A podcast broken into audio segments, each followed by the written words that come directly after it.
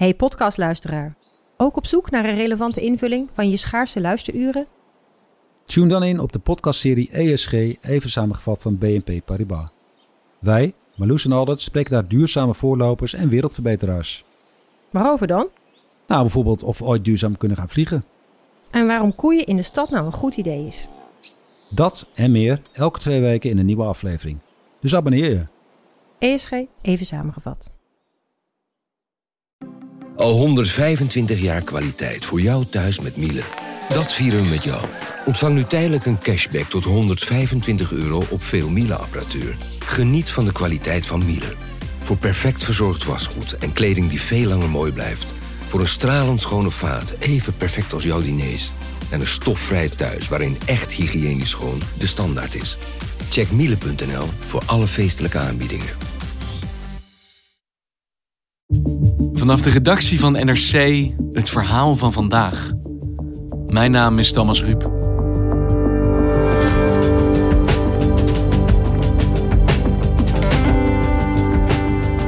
Het is vandaag 75 jaar geleden dat de eerste geallieerden Nederland binnenreden. Maar daarmee was het land nog lang niet bevrijd. De slopende strijd zou ruim een half jaar duren, voor velen juist de allerzwaarste periode. NRC sprak met ooggetuigen uit binnen- en buitenland, inmiddels dik in de 90, over hoe zij de bevrijding hebben beleefd.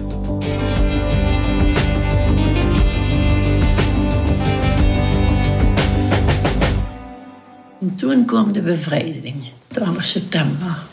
Ja, dat is ook allemaal zo vlug gegaan. Bart, het is vandaag 12 september en we gaan het hebben over de bevrijding. En ik heb altijd begrepen dat de bevrijding 5 mei is. Dat heb ik altijd zo geleerd. En ik ben notabene historicus. Waarom dan toch vandaag? Ja, omdat als je 5 mei als de bevrijding eh, ziet, dan heb je in ieder geval nogal randstadcentrisch beeld eh, van de bevrijding. Eh, want op 5 mei is het waar, capituleerden de Duitsers in Nederland. Maar grote delen van het land waren toen al bevrijd. Bart Funnekotter is historicus en wetenschapsredacteur en coördineerde voor NRC een serie over de bevrijding. Het hele proces van de bevrijding heeft uiteindelijk vele maanden geduurd. En dat betekent dus ook dat de bevrijding voor verschillende delen van Nederland eigenlijk een verschillend verhaal uh, is. En wat gaat NRC doen de komende maanden? Nou, wij hebben uh, gedacht, het is lang geleden, het is 75 jaar geleden, de bevrijding. Dit is eigenlijk de laatste kans die we hebben om het verhaal van de bevrijding te vertellen aan de hand van de verhalen van ooggetuigen. Mensen die er zelf bij waren. Uh, want dat is natuurlijk een groep mensen die, uh, die snel uitsterft nu. Het zijn allemaal 90-plussers uh, inmiddels. En we hebben gedacht, we zetten ons hele correspondentennetwerk hier in Nederland en in het buitenland in. Om zowel Nederlandse ooggetuigen, dus de bevrijden, te spreken, als de bevrijders in het buitenland. Dus we zijn in Amerika, in Canada, in Polen, in het Verenigd Koninkrijk. Zijn we met mensen, zijn we met militairen gaan spreken die, die ons, die Nederland, bevrijd hebben. En je zegt de bevrijding ging van zuid naar noord. Ja. Dus dan vermoed ik dat we in Limburg gaan beginnen nu. Ja, we gaan naar het dorpje Mesch, waar mijn collega Sarah Ouwekerk is geweest. En die sprak daar met Mia Brouwers, een inmiddels 91-jarige vrouw... die nog steeds in Mesch woont, dus al haar leven heeft gewoond. Zij is een boerendochter. En ze had eigenlijk de hele oorlog lang geen last gehad van de oorlog. Als boeren, die hadden alles te eten. Huh? Alles van hun eigen hadden boter, hadden melk, hadden alles, groente, brood. De bezetting was voor haar geen traumatische periode geweest tot dan toe. Dat was natuurlijk een verhaal dat je wel vaker hoort van, van boeren. Want die hadden in ieder geval altijd genoeg te eten. En als je op het platteland woonde, had je ook sowieso wat minder last van uh, de Duitsers, zoals ze die in de, omdat die veelal in de steden waren ingekwartierd. Van tevoren hadden wij bijna nog geen Duitsers daar gezien. En dan binnen een keer kwamen die Duitsers erin. En dus een paar dagen daar is alles gebeurd. Ze had al vier jaar in de oorlog, maar ze had nog geen Duitse soldaat gezien. Ze had wel eens een Duitse soldaat gezien, maar niet in deze mate. En zeker niet allemaal gevechtstroepen. En ze hoorde natuurlijk ook de geluiden van het gevecht dichterbij komen. Het geschiet van de artillerie, vliegtuigen die uh, duikbombardementen uitvoerden. Dat waren geluiden die ze, die ze nog niet kenden. En de Amerikanen lagen dus uh, op de Nederlands-Belgische grens. En staken dus op 12 september die grens over. En toen werd er dus gevochten om uh, Mesh. En toen moest dus de hele familie van Mia uh, de keldering. Ze schuilde bij de, de broer van haar vader, die ook in, in Mesh woonde. Dus ze zaten daar met ooms, tantes, vader, moeders, neven, nichten, de hele handel. Zaten ze in de kelder te bibberen, terwijl boven hen uh, de hel losbarstte. Totdat op een gegeven moment iemand door het luik riep... Kom maar naar boven, zeiden ze, want we zijn bevrijd. Ja, dat roep je wat. Maar ja, we zijn toen opgekomen en toen waren we bevrijd. En zo gaat het dan. Het is een buurman die zegt, het Ja, is gebeurd. Het is gebeurd. Nou, toen was er dus een kort moment van, van euforie. En toen kwamen de Amerikanen te handelen. Maar ja, wij hadden nooit een Amerikaan gezien, hè. Hadden anders op hun hoofd en andere uniformen. Dat is helemaal anders. Die waren helemaal aardig, die mensen. Oh, zei ik, we zijn bevrijd. Oh. En toen riep er iemand brand. En ja, kom maar nou door, gaan we naar huis.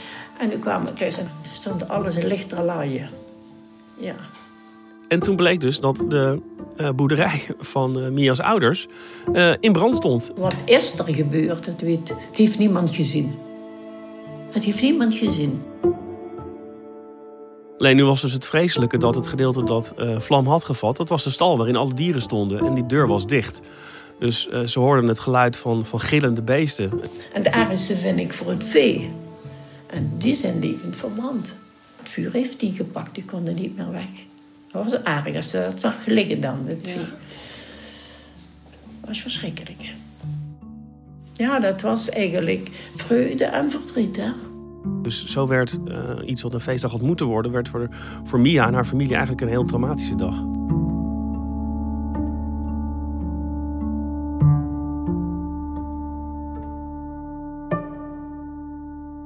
Mia Brouwers behoorde dus tot de eerste Nederlanders die echt bevrijd zijn door de geallieerden. En wat was het plan uh, toen ze daar uh, Limburg binnentrokken? De bevrijding van Limburg geschiedde eigenlijk min of meer per ongeluk. Uh, de geallieerden zaten de Duitsers achterna en die Duitsers vluchtten weg. En de geallieerden bleven erachteraan gaan en zo kwamen ze de Nederlandse grens over. Maar nadat het zuidelijkste puntje van Limburg bevrijd was, trad er wel een, een plan in werking. An air train wings toward the Eindhoven-Nijmegen area of Holland with supplies and reinforcements. Dat was het plan Market Garden, ontwikkeld door de Britse bevelhebber uh, veldmaarschalk Bernard Montgomery.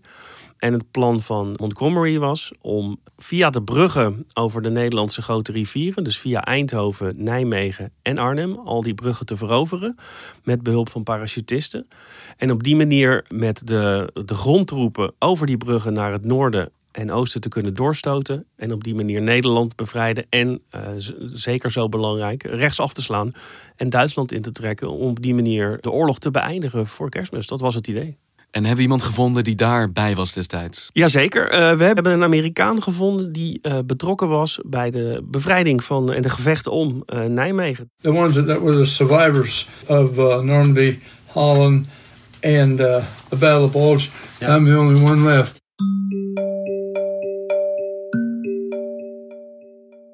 En hij is 97 jaar en hij is de allerlaatste man van zijn eenheid die nog in leven is. En waar hebben we hem gesproken? Onze correspondent Bas Blokker heeft hem thuis in Ohio in de Verenigde Staten gesproken. En daar heeft hij een soort van museumkamer voor zichzelf ingericht. Waar al zijn souvenirs uit de oorlog uh, heeft hij daar verzameld. Die hangen aan de muur. En hij vertelt daar gewoon uh, met een soort van mix tussen routine en emotie. Uh, want hij heeft het verhaal duidelijk vaker verteld. Maar het grijpt hem nog steeds aan. Vertelde hij zijn verhaal aan, aan Bas Blokker, onze correspondent. We jumped on September the 17th about 1.30 in the afternoon. Ja. Sunshiny day. Don Jakeway, een parachutist, die hoorde bij de 82e Airborne Division. En die sprong boven Nijmegen uit een vliegtuig. We went to Nijmegen and then to Beek.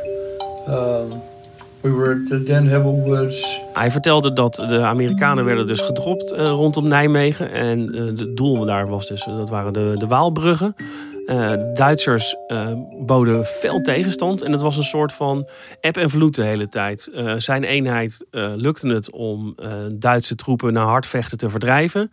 Dan dachten ze, nou, we zijn klaar. We trekken ons weer, weer terug. We gaan terug naar onze, onze stellingen. En verdomd, een halve dag later waren er nieuwe Duitsers gekomen... die ze opnieuw moesten verjagen. En dat duurde maar en dat duurde maar. En uiteindelijk zei zijn commandant... oké, nu veroveren we een positie en we gaan niet meer terug. hoeveel Duitsers er ook nog komen. Nou, toen lukte het Don en zijn kameraden om die positie te behouden. We drove the Germans out. That was on the that was on the That was on the 22nd of uh, September. September. En toen, en dat is de grote frustratie van de Amerikaanse paratroepers die daar gevochten hebben. Toen stonden de grondtroepen daar, eh, de Britse grondtroepen. En die stonden daar en die trokken de felbevochten brug niet over. This Montgomery was, he made some really bad decisions. He refused to go into Arnhem because he said with the narrow road, he was afraid to get his tanks all knocked out. Want? Ja, de aanvoer van materiaal moest eerst in orde. Er moest overlegd worden over de, over de strategie en de tactiek. En toen hebben daar de grondtroepen een tijd stilgestaan voordat ze uiteindelijk oprukten naar het noorden. Ja, en toen was het, eh, toen was het te laat.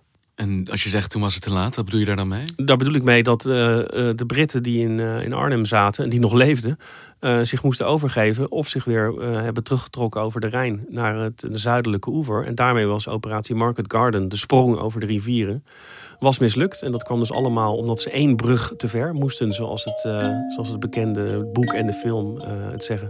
En dat, eh, die brug niet bereikt werd, dat lag dus niet aan Don Jakeway en zijn mannen, die hun opdrachten goed vervuld hadden. Want Bas vraagt op een gegeven moment aan, aan hem, "Maar wat vind je er nou dat, van dat Market Garden mislukt is? Yet they claimed that was a disaster. That, that, they didn't, we didn't win that. But I, I don't hardly believe that. The 82nd, the 80, we thought we won. Yeah. We, we couldn't believe it. Ja, ho, ho, mislukt, helemaal niet mislukt. Eh, wij hebben onze doelen bereikt, wij hebben gedaan wat we moesten doen. En dat het uiteindelijk eh, mis is gegaan, dat lag in ieder geval niet aan ons. En dat zat hem nog steeds dwars. Ja, dat zat er nog steeds dwars.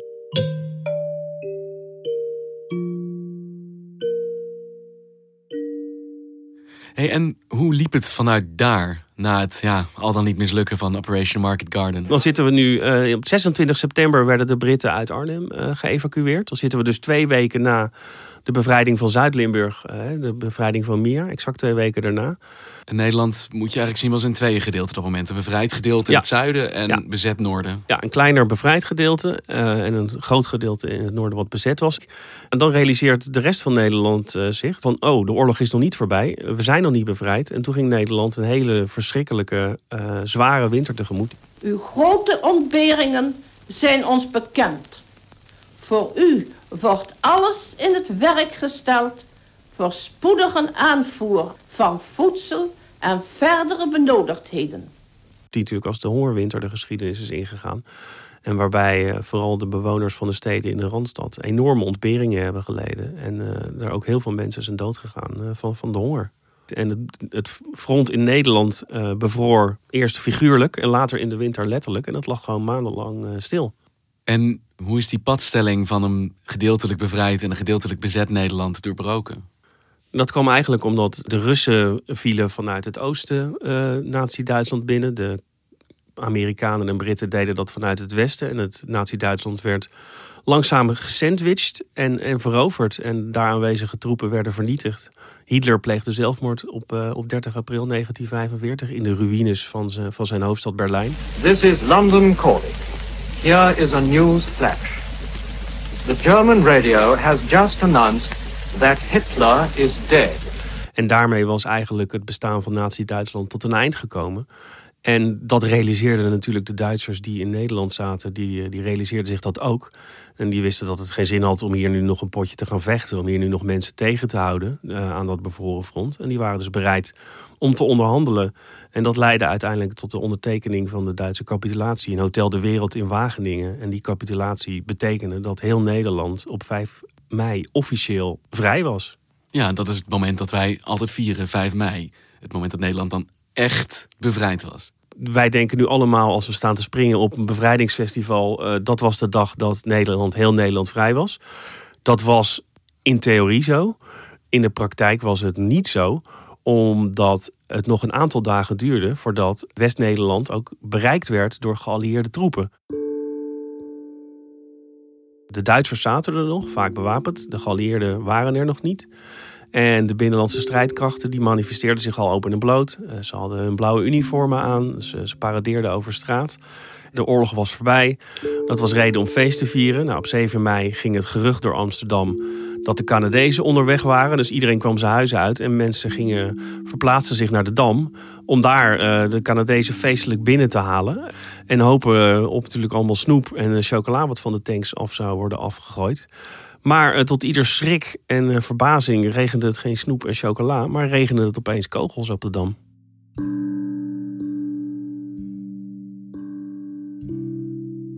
Want wat gebeurde er dan?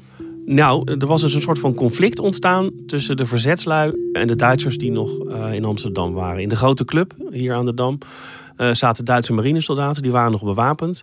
De binnenlandse strijdkrachten wilden zich laten gelden, die wilden zich manifesteren en die waren dus bezig met het ontwapenen van die soldaten.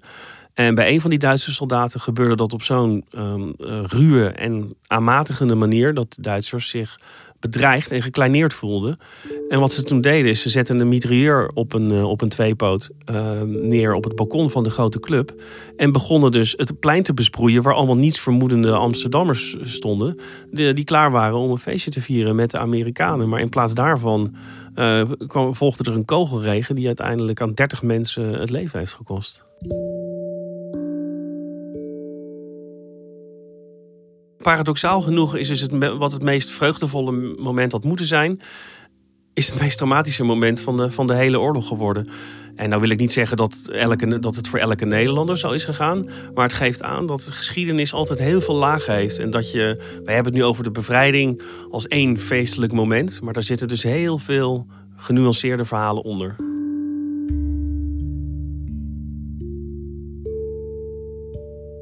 Dus op 5 mei werd in heel Nederland verkondigd: we zijn bevrijd. Maar op 7 mei, twee dagen later, regende het nog kogels op de dam.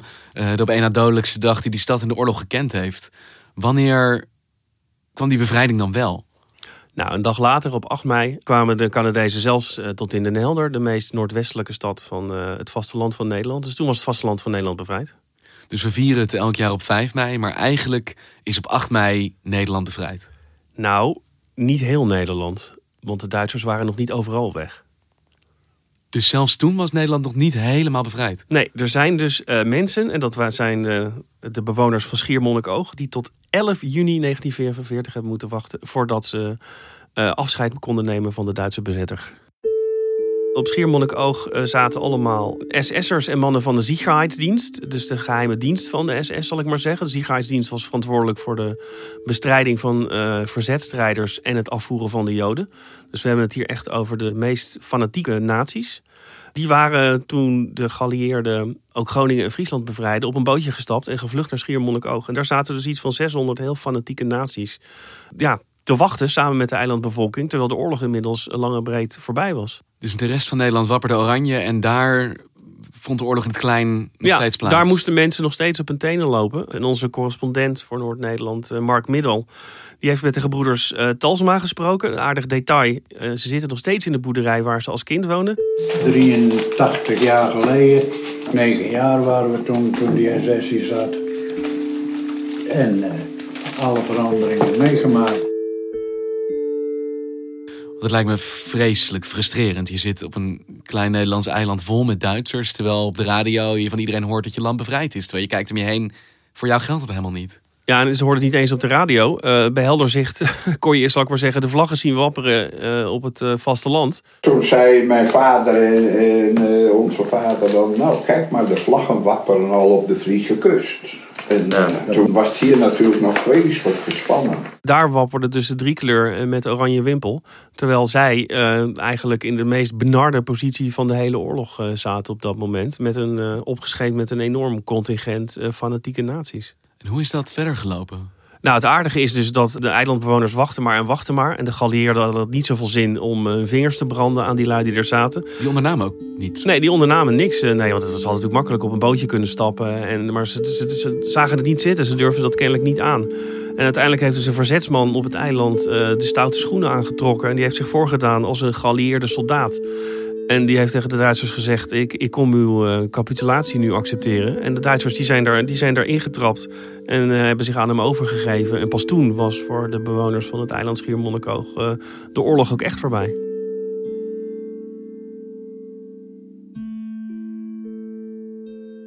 Dus de bevrijding van Nederland, zou je kunnen zeggen, heeft uiteindelijk geduurd van 12 september 1944 tot 11 juni 1945. Dus dat is een periode die heel wat langer is dan alleen die 5 mei die in ons geheugen gegrift staat. Ja, want is het, als ik het zo hoor, niet bijna logischer om die bevrijding op 11 juni dan te vieren?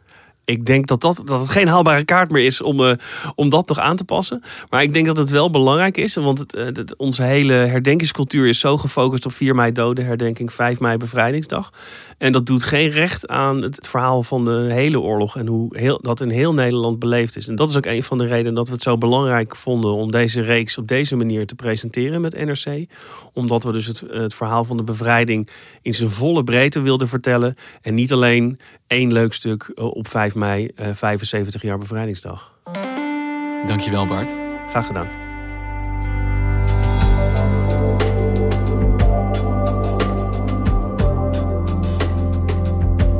Je luisterde naar vandaag, een podcast van NRC. Eén verhaal, elke dag. Dit was vandaag, morgen weer.